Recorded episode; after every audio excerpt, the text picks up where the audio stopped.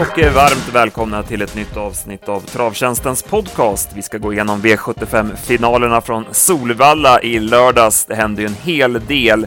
Sen blickar vi framåt. Vi har ju V86 Solvalla och Åby samt V75 på Mantorp i veckan. Mitt namn är Andreas Henriksson, med mig har jag Lukas Berggren. Ja, Lukas, vi satt och kollade loppen tillsammans på Solvalla i lördags och eh, vi började med en favorit, eh, tung favorittorsk i V751 där Hevin Boko eh, fick de flestas förtroende, så även vårat, men fick ge sig för Ultra Bright till slut. Ja men exakt, hon, eh, Hevin Boko gjorde ju ett bra lopp, eh, Mika Fors valde han satt ju i rygg på, kunde ha tagit andra utvändigt men sinade dödens tidigt och eh, eh min känsla är kanske 300 kvar väl att hon skulle kunna ha en bra chans att gunna men Ultra Bright som kämpade på bra och plockade ner dem både Hevin Book och en länge ledande Mulligan till slut och ja, hon var ju jättefin och det var väl hon stod lite på tur för en seger, hon har gjort flera bra lopp på slutet men utan att få vinna. Ja, precis. Eh, Thomas Urberg var ju väldigt tydlig i förhandsnacket om att han skulle köra Mulligan i ledningen och han stod också vid sitt ord. Och eh, det här visste ju Erik Adelsson om. Han gav ju upp spetsstriden direkt när han kände att han inte kom förbi och sen tog han upp lite lagom mycket för att locka fram Ickafors. Så att eh, Adilsson eh, visste vad han gjorde i alla fall. Det var snyggt kört med Ultra Bright.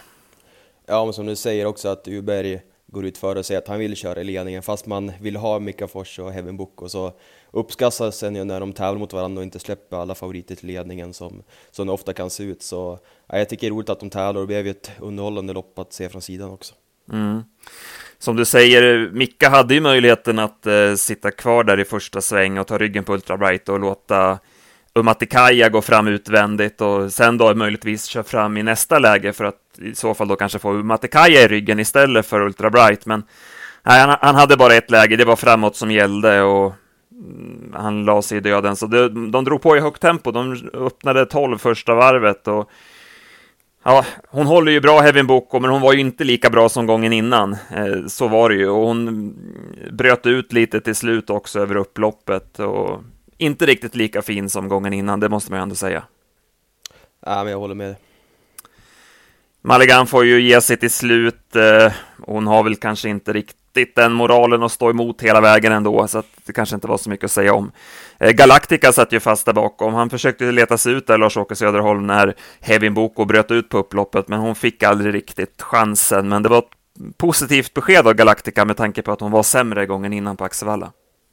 Ja, hon såg ju jättefin ut och ja, det är verkligen kul att hon har kommit tillbaka i det här skicket också. Man vet ju hur mycket Malin verkligen brinner för sina hästar och ja, det intrycket får man verkligen ta med sig och ja, men kommer hon ut i något passande lopp på Eskilstuna framöver och sådär så måste det ju vara, dags att, för henne att få se grejen.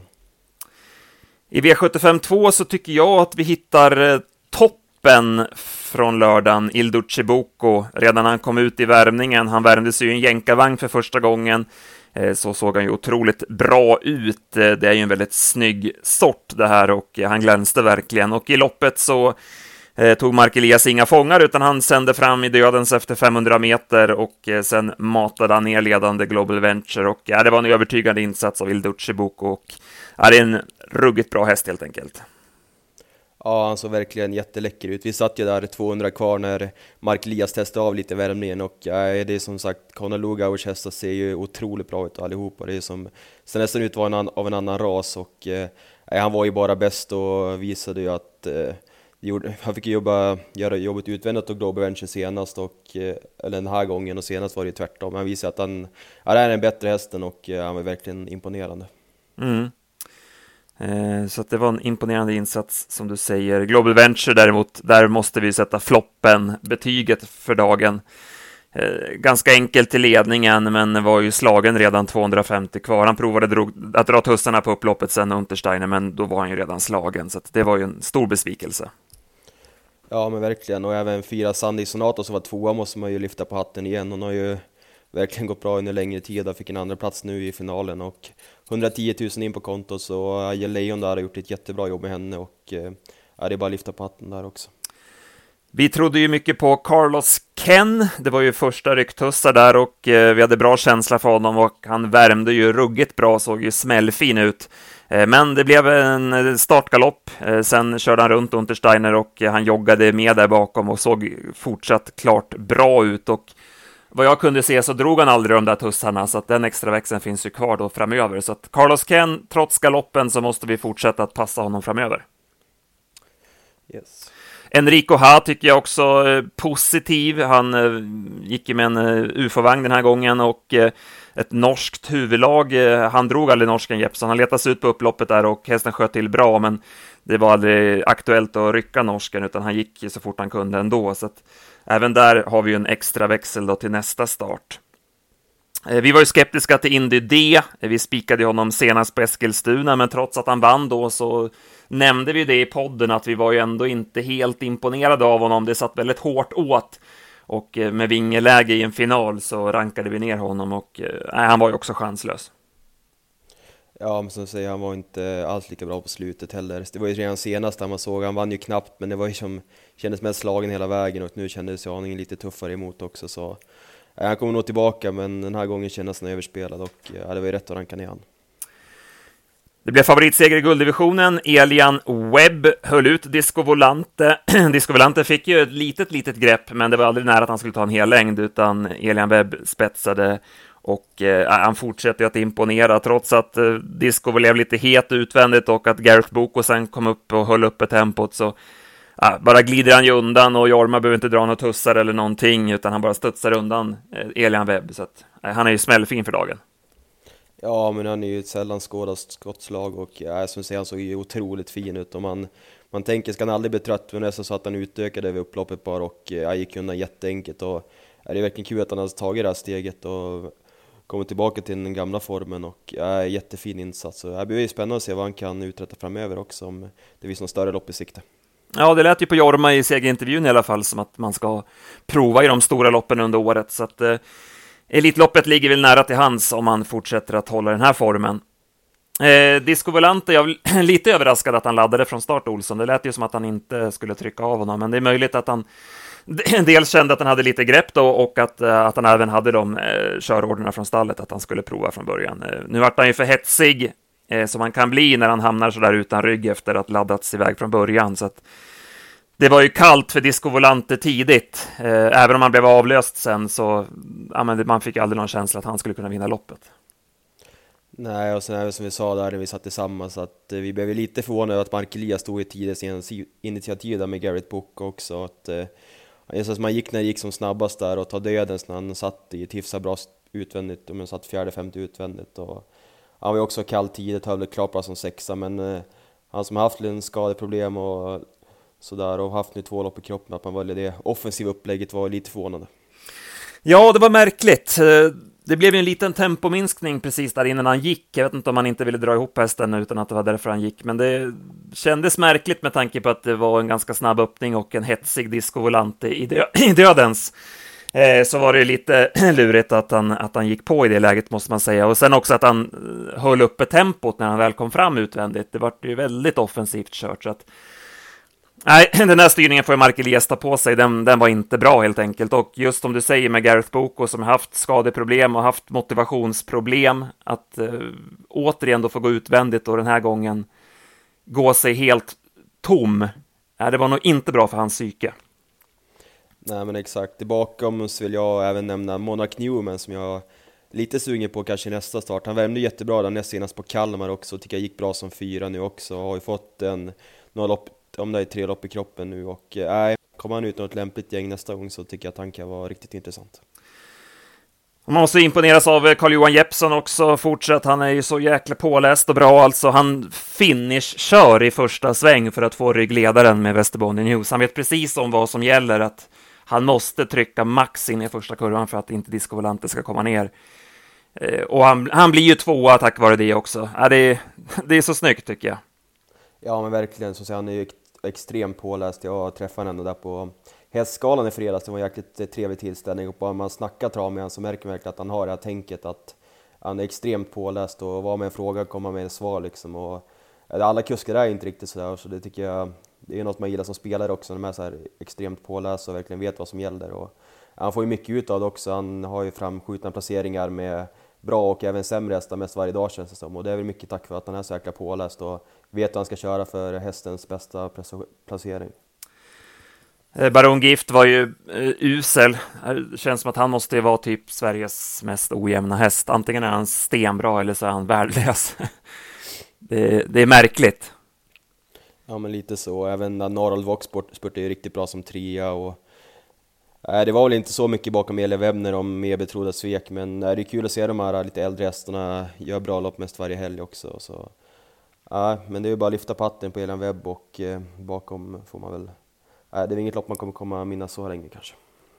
Nej, det, var ju, det ska vi säga, det var ju ganska enkelt, alltså billigt eh, emot så för Elian Webb, men intrycket var jättebra. Eh, Olle Rolls tyckte jag gick eh, lite positiv i skymundan också. Han, ja, men han är väl lite små på gång ändå.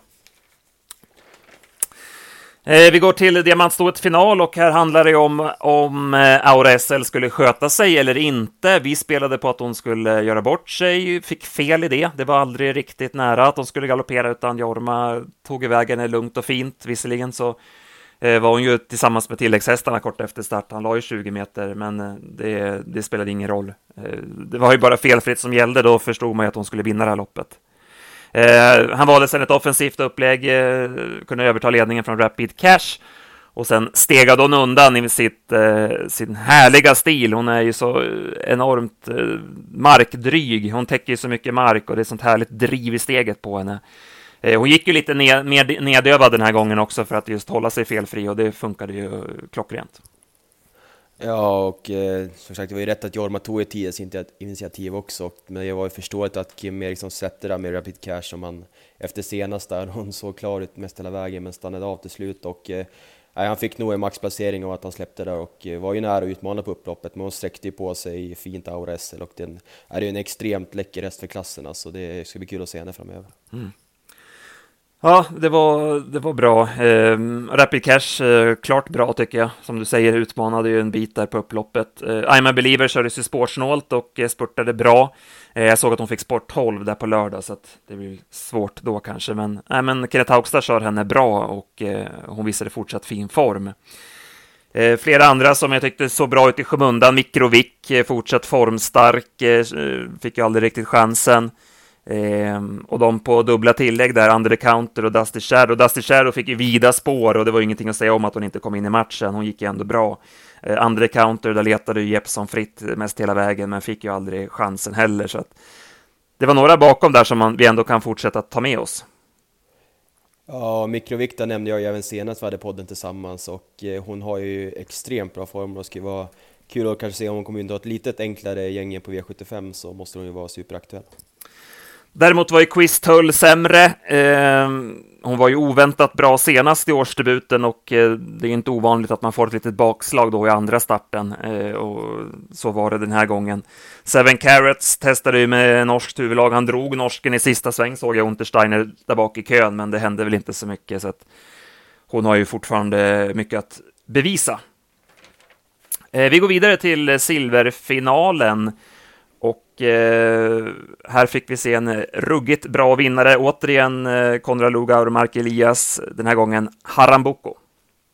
Ja, det tyckte jag nästan var en av dagens prestationer. Alltså, han sitter sist varvet till mål i ett högt uppskruvat tempo med Mattias Andersson och Dr. Oxysens i ledningen. Men han sitter ju som sagt längst bak, får ju se många i spåren, har ju bland annat Pasha till framför sig. Men trots det så avgör han ju enkelt. Vi hade en jag hade en 10 sista 800 på klockan i med fjärde spår i sista sväng och med full fart över linjen och ja, det var extremt bra och man trodde väl att kanske 3-4 kvar att Pashatille skulle ha en bra chans och att det skulle vara svårt att ta en längd för Aranbuco som satt i rygg men han eh, tog ju nästan två längder på ett upplopp och gick extremt fort och såg, ja, han såg smällfin ut. Ja, Ja, det blev ju kört eh, som vi var lite inne på, att det skulle bli Dr. Doxysens till ledningen i ett eh, högt tempo och att Hawkcliff skulle få gå utvändigt. Eh, därför tyckte vi att Hawkcliff var sårbar och det blev ju också den, det loppscenariot och vi hade ju med Haramboko på fyra hästar. Så det var ingen chockerande vinnare, men man måste säga att han har ju verkligen utvecklats. Dels har ju han, har ju tidigare haft problem på Solvalla och eh, förut var han ju en spetshäst. Eh, han hade svårare när han gick bakifrån, men han har ju verkligen utvecklat den biten. Vann ju bakifrån på Sundbyholm i eh, höstas och sen spurtade han ju ursinnigt på Vincennes senast. Och nu som sagt 10-7 sista varvet och då kan han kosta på sig en segergest där 50 meter från målmark Elias. Nej, Haramboko som tidigare haft lite, lite problem med psyket och kanske inte alltid varit så tuff alla gånger, han har verkligen utvecklat den biten och att han, har kunnat, att han kan springa, det har han ju alltid visat, men nu har han också utvecklat det mentala, så att eh, nej, han är, han är väldigt bra. Ja, verkligen. Man kommer ihåg när han kom fram där och gjorde sina första starter i karriären, det var en ruggig snackis och ja, det är kul att se att han har fått den utvecklingskurvan också som pekar rakt uppåt och han blir nästan, blir nästan bättre och bättre för varje start känns det som, så ja, han kommer vinna många lopp framöver. Mm. Och dubbelseger till skötare Simon Mittman också. Eh, det blev ju succé, verkligen. Hawkcliff, som sagt, vi var skeptiska till honom. Vi spikade honom på Bergsåker då han inte var favorit, eh, men nu skulle alla vara med och mm, tro på honom, så att han blev ju klar favorit här, mm, trots att han är ju eh, alltid sårbar med tanke på att han inte kan öppna från start. Och han blev ju också hängande från början. Örjan hade ju valet att antingen Eh, gå framåt då eller backa ner i rygg på Haramboko. Nu valde han att eh, gå fram i tredje spår i, och det vart ju för tufft i det höga tempot och han var ju aldrig med någon chans. Eh, så att det, var en, det var en tacksam favorit får vi se. Eh, Dr. Oxysens, där vart det ju lite knas. Han eh, skakade av ur sig både huva och tussar och allting från start där och vart det alldeles för het och sen drog han på i högt tempo. Men var ju mör tidigt och han sa Mattias Andersson efter loppet också att det här var ju sista starten för ett tag nu så att han får en välförtjänt paus, hästen. Ja, det kan, det kan han behöva. Eh, Nicky Flax, Johan Untersteiner eh, tog sig till ledningen, släppte ju sen till Dr. Doxysens och sen vaket så tog han sig ut före Håkliff där 500 kvar så att han kunde runda till ledningen så att han körde perfekt Johan men hade inte häst eh, som räckte. Eh, Pasha Tilly var vi besvikna på. Eh, det var väl okej okay på klockan och han går ju spåren han också, men Haramboko tar ju enkelt en längd på honom över upploppet och vi hade förväntat oss mer utav Pashatilli.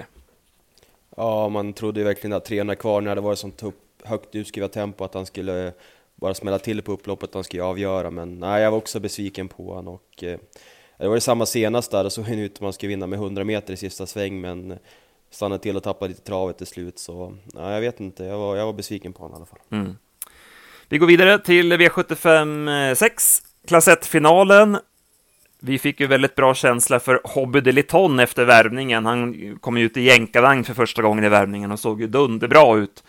Eh, han blev ju jäkligt laddad alltså. Han tog sig en kort galopp, eh, slog ihop där från start, eh, men ställde sig direkt eh, och lyckades hålla ryggledaren. Men eh, tyvärr för vår del så fick han aldrig, aldrig riktigt chansen. Och Eh, men som han såg ut, Hobby Deleton, oj oj oj, eh, ja, han kommer tjäna ja. grova pengar framöver.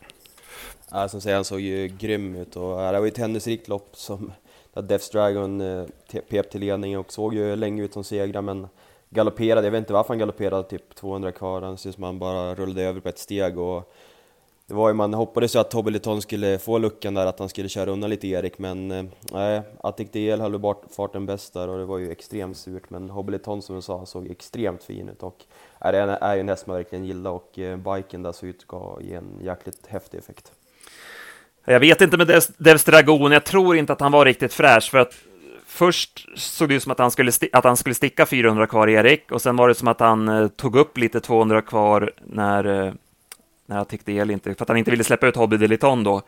Eh, och då tänkte man att det kanske var därför han liksom galopperade. Men det kändes som att han skar ihop i travet och han hade nog inte kunnat rädda honom ändå. Eh, så att, eh, det, han var nog inte helt schysst för dagen.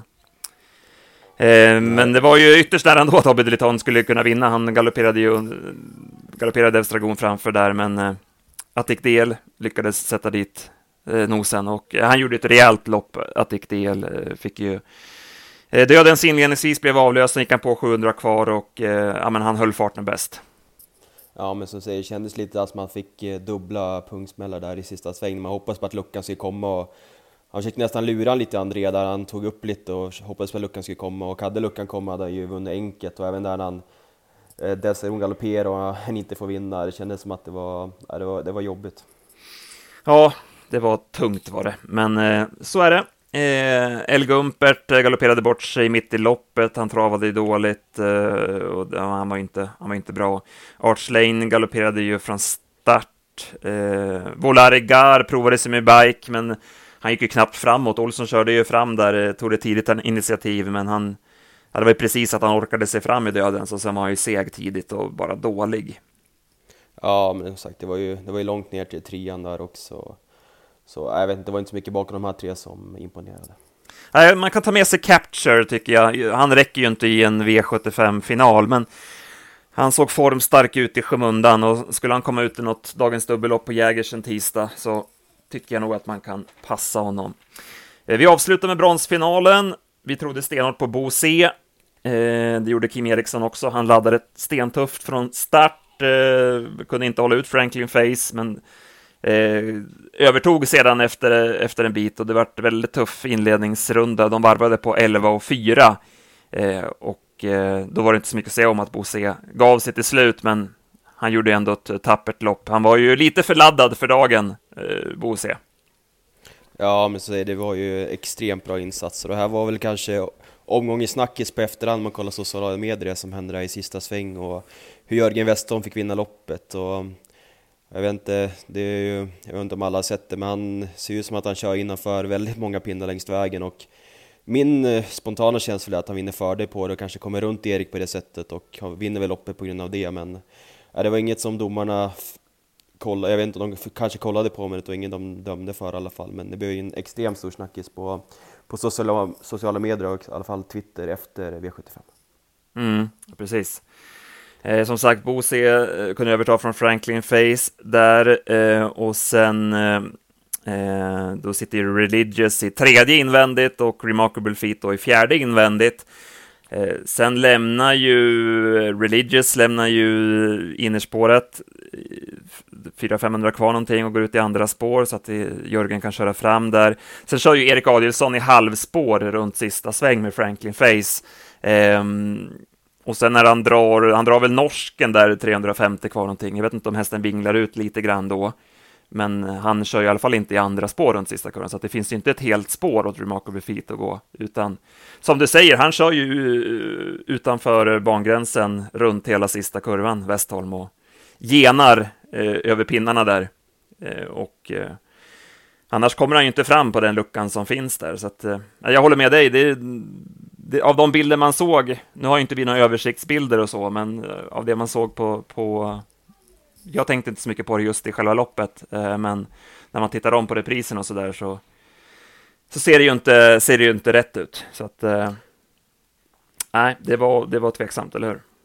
Ja, men verkligen tveksamt. Och, nej, jag vet inte, man känns ju, så här, känns ju lite lurad i efterhand. Det är ändå ett sånt stort spel som omsätter så extremt mycket pengar. Och, Eh, är vi väl inte ensamma med den uppfattningen om att han kanske ska bli diskad heller om man läser vad andra tycker och tänker. Men eh, nej, han blev fria den här gången och eh, han har ju verkligen visat fin form på slutet också, kommer med två raka V75-segrar så det var inget att säga om hästen men och Westholm. han, han gjorde vad som behövdes för att vinna men det är väl måldomarna och eh, de som dömer som man får ställa sig lite frågan till om de ens kollade på det. Man har inte, jag har inte hört om det var något eftersnack om vad de har sagt av händelsen heller. Om du har hört någonting? Nej, nej jag har inte läst något heller. Nej, man skulle vilja höra vad de tycker och tänker. Det kanske förstår, det som jag säger också, och du sa också, man, det var man tänkte på liksom direkt när loppet gick, men om någon, Men vi är inte någon måldomare heller, alltså vi... Nej. Det är ju... man tycker ändå att de ska ha den kompetensen att kunna se sådana ja, saker. men exakt. Och, nej, men vi som spelare har väl kanske ändå den lite feeling att man känner ju att han vinner fördel på det och kan han inte vinna fördel på det så vinner han inte heller loppet. Men eh, det har ju varit lite sådana situationer nu på slutet som man ställt sig lite frågan till också. Men det är väl lite kul också det här eftersnacket på Twitter och man ser vad folk skriver och tänker och sådär också. Men är det sagt, man känner sig lite lurad också. Nu var ju inte Bose våran vinnare tvåa heller på det sättet som man kanske har haft någon gång tidigare. Men eh, äh, det känns ändå lite snopet för de som kanske satt med spik på Man Network eller liknande. Ja, så är det ju. Eh, det var ju märkliga, märkliga val, framförallt av Erik Adielsson, att han går ut med Franklin Face som har ju varit med i den där stenhårda körningen. Och, eh, jag menar, vad ska han ut med honom och göra i sista kurvan? Det är ju ytterst märkligt. Ja, men som du säger. Jag tror ändå jag läste också på Twitter att han gick ut och sa att det var att det var extremt dåligt gjort av han också, så han, han stod ju för det, men äh, det kändes väldigt konstigt. Han gick ut och ett halvspår och jag vet inte om han tänkte att han kanske skulle utmana, men hästen var ju, var ju seg tidigt också, så äh, men han gick i alla fall ut och sa på Twitter att han tyckte att, att det var en dålig styrning, så äh, det är i alla fall något så här som man ändå kan uppskatta att kuskar och sånt gör efter loppet. Det blev fel, fel val av Mika Fors också som gick ut med Religious. Hade han fortsatt, eh, ja men, ja, hade han suttit kvar där han satt så hade han väl fått, fått eh, den, den luckan då istället. Då, så att. Eh. Men han gick, ju, han gick ju bra över upploppet Religious, visserligen var tussarna ryckta och så, men han fun funkade bra i, i biken och, och sådär. Och han ska ju ut på lördag igen, så att han kanske kan få snabb revansch då. Ja, får ändå nämna Manic Birdie som var, som var tvåa igen. Han håller kvar sin statistik där och inte vunnit på V75 på evigheter, eller om han någonsin har gjort det. Men eh, jag vet inte om man ska ställa lite tveksam till moralen och sådär också. Jag kanske inte gör det än, men det är många, många andra pris i rad nu. Ja, alltså nu, visst, nu får han göra jobbet sista tredje, eller sista 700 i tredje spår och sådär, men som du säger, det är ju, statistiken ljuger ju inte. Eh, så är det ju. Nej, vi säger, han hade ju förmodligen vunnit där på Jägersro när de krokade i hjulen, men det var även gången efter där när han inte plockade ner Franklin Face. Jag kollade faktiskt om på det loppet nyss i morse och eh, då hade man också känslan att han skulle plocka ner en 200 k men nästan att han slog av på takten kort före mål. Så äh, det är ju en jäkla läcker häst som han kommer förmodligen ta sin V75-steg i nästa start, för man säger så här. Men man har väl ändå lite, lite tveksam att när den bra upp på andra platser. Ja, nu hade man ju ryckhuva på honom också, så att man hade ju den växeln att dra också då, så att eh, men man lyckades inte vinna ändå. Eh, Grainfield Aiden eh, kom aldrig in i matchen. Han satte i rygg på Electrical Storm. Electrical Storm tycker jag gjorde ett fullt, fullt bra slutvarv, men Grainfield Aiden kunde inte haka på där. Sen håller han ju sin fart över upploppet, men eh, ja, han ska ju ut igen då på lördag. och fick ju sport 12 igen också, så att han får slita för havren. Eh, ja, nej, det var, ett, det var ett rörigt lopp. Det var mycket som hände i avslutningen. Men eh, ja, andra raka för Remarkable Feet, den, den, där har man ju hamnat snett på. Jag var ju jätteinne på den på Bergsåker där för, ja, var det tre, fyra starter sedan någonting. Eh, sen har man ju hoppat av tåget va? Då har han tagit, tagit två raka. Som, som så många gånger förr. Jajamän, jajamän. Ja, nej, så att vi, eh, vi, vi räckte inte till helt enkelt. Vi valde ju fel att gå på Heaven Book och det var ju det var ju svagt med, med facit på hand när vi hade snacket med Mulligan, med, med spetssnacket och allt också. Så att det får vi, det får vi ta på oss. Exakt. Det var lite så på förhand också, om man skulle spika Heaven Book eller om man skulle spika Elian Webb och spika med Elian Webb så får ju inte Heaven Book att vinna och nästan lite tvärtom. Så ja, vi valde ju fel, men det är också lite lurigt där när man tror att de där två stora favoriterna har en bra chans och vinner båda så är nästan omgången körd på förhand för oss som jagar lite större pengar så är det ju svårt det där att välja rätt och väga rätt. Ja, det behöver ju inte, om, om man har möjlighet eh, så är, behöver det inte vara fel att spela med kravet att en av de två ska vinna. Då har man ju chans att få bort en av dem. Eh, ett sånt upplägg eh, är, inte så, är inte så tokigt faktiskt speltekniskt. Eh, men nu valde vi som sagt att gå på rakt ut på Heavyn och det blev ju eh, fel. Eh, det vart ju bra, den rensade ju på bra Remarkable Feet, den var ju helt bortglömd i avslutningen, så att det vart ju knappt 150 000 till slut på, på 7 rätt med, med lite jackpot-effekt. Ja, det är som så många gånger förr, alltså de här skrällarna i avslutningen, de biter ofta extremt bra alltså. Det är ju, helst vill man ju sitta kvar med många hästar i avslutningen och jobba in de där skrällarna som kan rensa från, ja nu rensar den ju nästan gånger 20, gånger 25 liksom det är ju det är kul när man har de där lägena, sitter kvar med många hästar och man kan jobba bort en favorit så brukar det kunna rensa bra bakom när folk har lite tunt med streck kvar. Ja, eh, så var det på Solvalla. Sen eh, avgjordes även Prix de France i Paris. Vi behöver inte gå in så mycket på loppet, men det blev revansch för Davison DuPont. Han eh, eh höll undan för Facetime Bourbon som fick ju luckan för sent, men flög ju fram över upploppet. Och sen delade ju Pomero också, vilken avslutning den stod för. Det var ju ett häftigt upplopp. Ja, verkligen. Och det var ju läckert där i sista sväng när man ser att eh, Basir bara sitter och kollar över högeraxeln, högeraxeln vart Björn Goop befinner sig och eh, Björn Goop som är så jäkla kilo och väntar in och får den här luckan.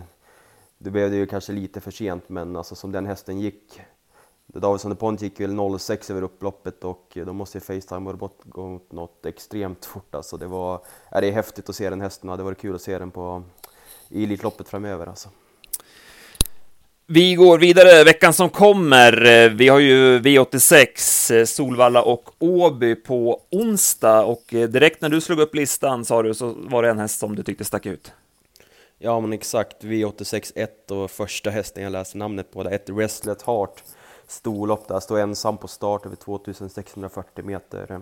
Kommer inte med någon rolig rad, har ju fyra raka galopper men äh, insatsen senast efter startgalopp var extremt bra mot rätt bra hästar på Åby och eh, voltstarten tror jag bara en plus, senaste voltstart gick hon felfritt eh, där längst upp i raden och eh, Mark Elias har också valt att köra den här före fem med Bernst Ulrika så eh, jag skulle hon går felfritt och håller upp ledningen så tror jag på en bra chans att hon kan spåra detta runt om. Jag tycker inte att de där hästarna på 20 var, var så imponerande och hon är nog inte så mycket sämre än dem. Så, nej, det var det så spontant som jag tyckte direkt jag såg upp första listan och första hästen jag såg att hon, hon borde ha en bra chans att kunna vinna den här gången. Mm. På Solvalla så har vi ju en intressant eh, regidebut i V86.2, nummer 5 My Dream Art. Jag är ju första för Timo Nurmos. Det är ju en eh, kapabel och stark häst det här som kanske haft lite problem med motivationen emellanåt. Vi får väl se om eh, Nurmos kan hitta en växel till i honom. Det finns i alla fall kapacitet i hästen, så den, den tycker jag blir intressant att se. Och sen, eh, det kanske är för tufft, men i V86.5, 8 Sokolane tyckte jag värmde väldigt bra i onsdags på Jägersro. Eh, gjorde ett eh, bra lopp på Kalmar gången innan. Jag var lite besviken direkt efter loppet i onsdags. Tyckte att han var lite sådär uddlös till slut, men jag klockade om det i morse. Han går ändå 10 sista 400. Eh, och så har han ju fått det där uppvässande 1600 meters loppet i kroppen och så startar han vecka vecka och nu är det 2-1, vilket passar honom bättre. Eh, Spår 8 och det är, ja, men det är tufft motstånd, eh, och Poet Broline och Stole the Show. Eh, och sådär. Så att eh, det är ju mm, kanske för tufft emot, men jag tycker ändå att eh, man, man är, han är värd att varna för, eh, Sokolain. Och sen eh, var det en häst också i avslutningen eh, vid 868, ett Arne Express, eh, får ju Björn Goop i vagnen. Minns ju när Björn Goop körde hästen i höstas på Valla, då spurtade han ju mycket bra som tvåa i ett hårt lopp. Eh, den känns ju aktuell. Vi har inte grottat ner oss i spetsstriden där, men Björn Goop brukar kunna få fart på dem så att säga. Ja men exakt, och den, den är snabb ut också, jag har för mig, och den har öppnat bra där på Valla. Se, om det var i slutet av december där kommer jag ihåg att den öppnade bra och som sagt Björn Goop upp känns extremt spännande så nej, den över 640 meter i ledningen är nog inte så jäkla lätt att slå för övriga. Nej, nej håller den spets då får de nog leta. Men vi får plugga vidare där och så släpper vi de tipsen då på onsdag klockan 15 och sen laddar vi då för V75 eh, Mantorp lördag. De listorna har vi inte eh, hunnit kolla så mycket på. Vi nämnde ju några hästar där från eftersnacket. Eh, men det är, vi gillar ju att de har lyft bort guldloppet. Det var ju riktigt typisk vinterguld. Så lyfter de in ett annat lopp istället. Ja, men exakt. Det var ju det var inte världens bästa guldlopp. Det kanske var, hade förmodligen kanske blivit ganska lite spelintressanta med inte de bästa hästarna och kanske inte någon solklar favorit, men nu lyfter de ju in ett, var det ett 15 lopp mm. som de lyfte in. Ja. Så det är ju extremt mycket roligare och för oss som gillar spelet i alla fall så Nej, en rolig omgång på förhand som kändes lite halvöppen så det blir kul att grotta ner sig i listorna och se om man kan hitta någon, hitta någon vinnare spontant. Ja. Det var ju någon där jag tänkte, hade tänkt på, den där Opalis var vi lite sugna på senast. Kim Eriksson satt kvar där när tåget gick och hon spurtade ju riktigt bra i skymundan. Var nog bra emot också men eh, nej, det är ju andra starten nu för Sibylla Tinter och eh, hon måste väl kunna ses med chansen som tallop. Ja, eh, och sen ikväll har vi ju V64 Halmstad och eh, du jobbar eh, för fullt med den omgången. Eh, och där var det en häst som jag hajade till lite grann när jag slog upp listan i morse. Eh, Gullabo Däck Bling eh, i avdelning 4, nummer 8, som gjorde ett jäkla bra lopp senast på V75 på Kalmar. Gick ju 13 och 2 full väg då och stark avslutning efter en dryg inledning också. Och eh, du har mässat med Anton också, det låter bra inför kvällen. Ja men exakt, han lät uppåt, har varit jättenöjd med hästen de två senaste starten och eh, det var ju bara läget som han tyckte var dåligt men resten kändes bra och eh, men det är ju lång distans och bara 11 hästar till start så skulle det lösa sig någorlunda så trodde han på en bra chans och ja, det köper vi rakt av också. Jag hade väl en liten rolig spaning där bakom också. Nelik som ja, är ju en riktigt kapabel häst i grunden som nu återkommer efter lite vila. Han var ju extremt bra när han vann senast där och varvade på en, om det var någon 9,5 tror jag och ändå lyckades hålla undan. Så jag är lite inne på att Ante kan vara offensiv och kan köra sig till ledningen så nej, de två är väl roliga drag bakom favoriten 9 Stanby Ken som ändå kommer få göras jobbet ute i spåren sista varvet eh, får man hoppas på. Mm. Vad tycker du om omgången annars? Ja, men omgången ser, tycker jag ser klart rolig ut. Eh, det är väl någon, en av omgångens största favoriter som jag tycker är givna att fälla. Sen har väl någon, någon bra vinnare där i avslutningen som man har jagat. Så ja, det är väl en rolig V64 att kunna inleda med att pricka av sex rätt här i början av veckan. Ja, vi siktar på det och vi släpper de tipsen då idag måndag klockan 14 och eh, vi har ett litet erbjudande till er podcastlyssnare om ni eh, tar rygg ikväll, om ni köper kvällens V64-tips och eh, skriver eh, kupongkoden podcast i kassan så får ni 50% på kvällens V64-tips, alltså halva priset för V64-tipsen ikväll om ni uppger koden podcast i kassan. Så att eh, läge att hänga på redan nu i början av veckan med Halmstad ikväll. Ja, verkligen läge. Det blir nej, riktigt bra erbjudande. Så jag har en bra tvilling där i sista som ni kan ta rygg på. Det blir maxinsats på den. Så ja, en rolig omgång. Jag hoppas att, ja, ja exakt, oj oj oj. nej, men exakt, det är bra erbjudande där. Ja, exakt.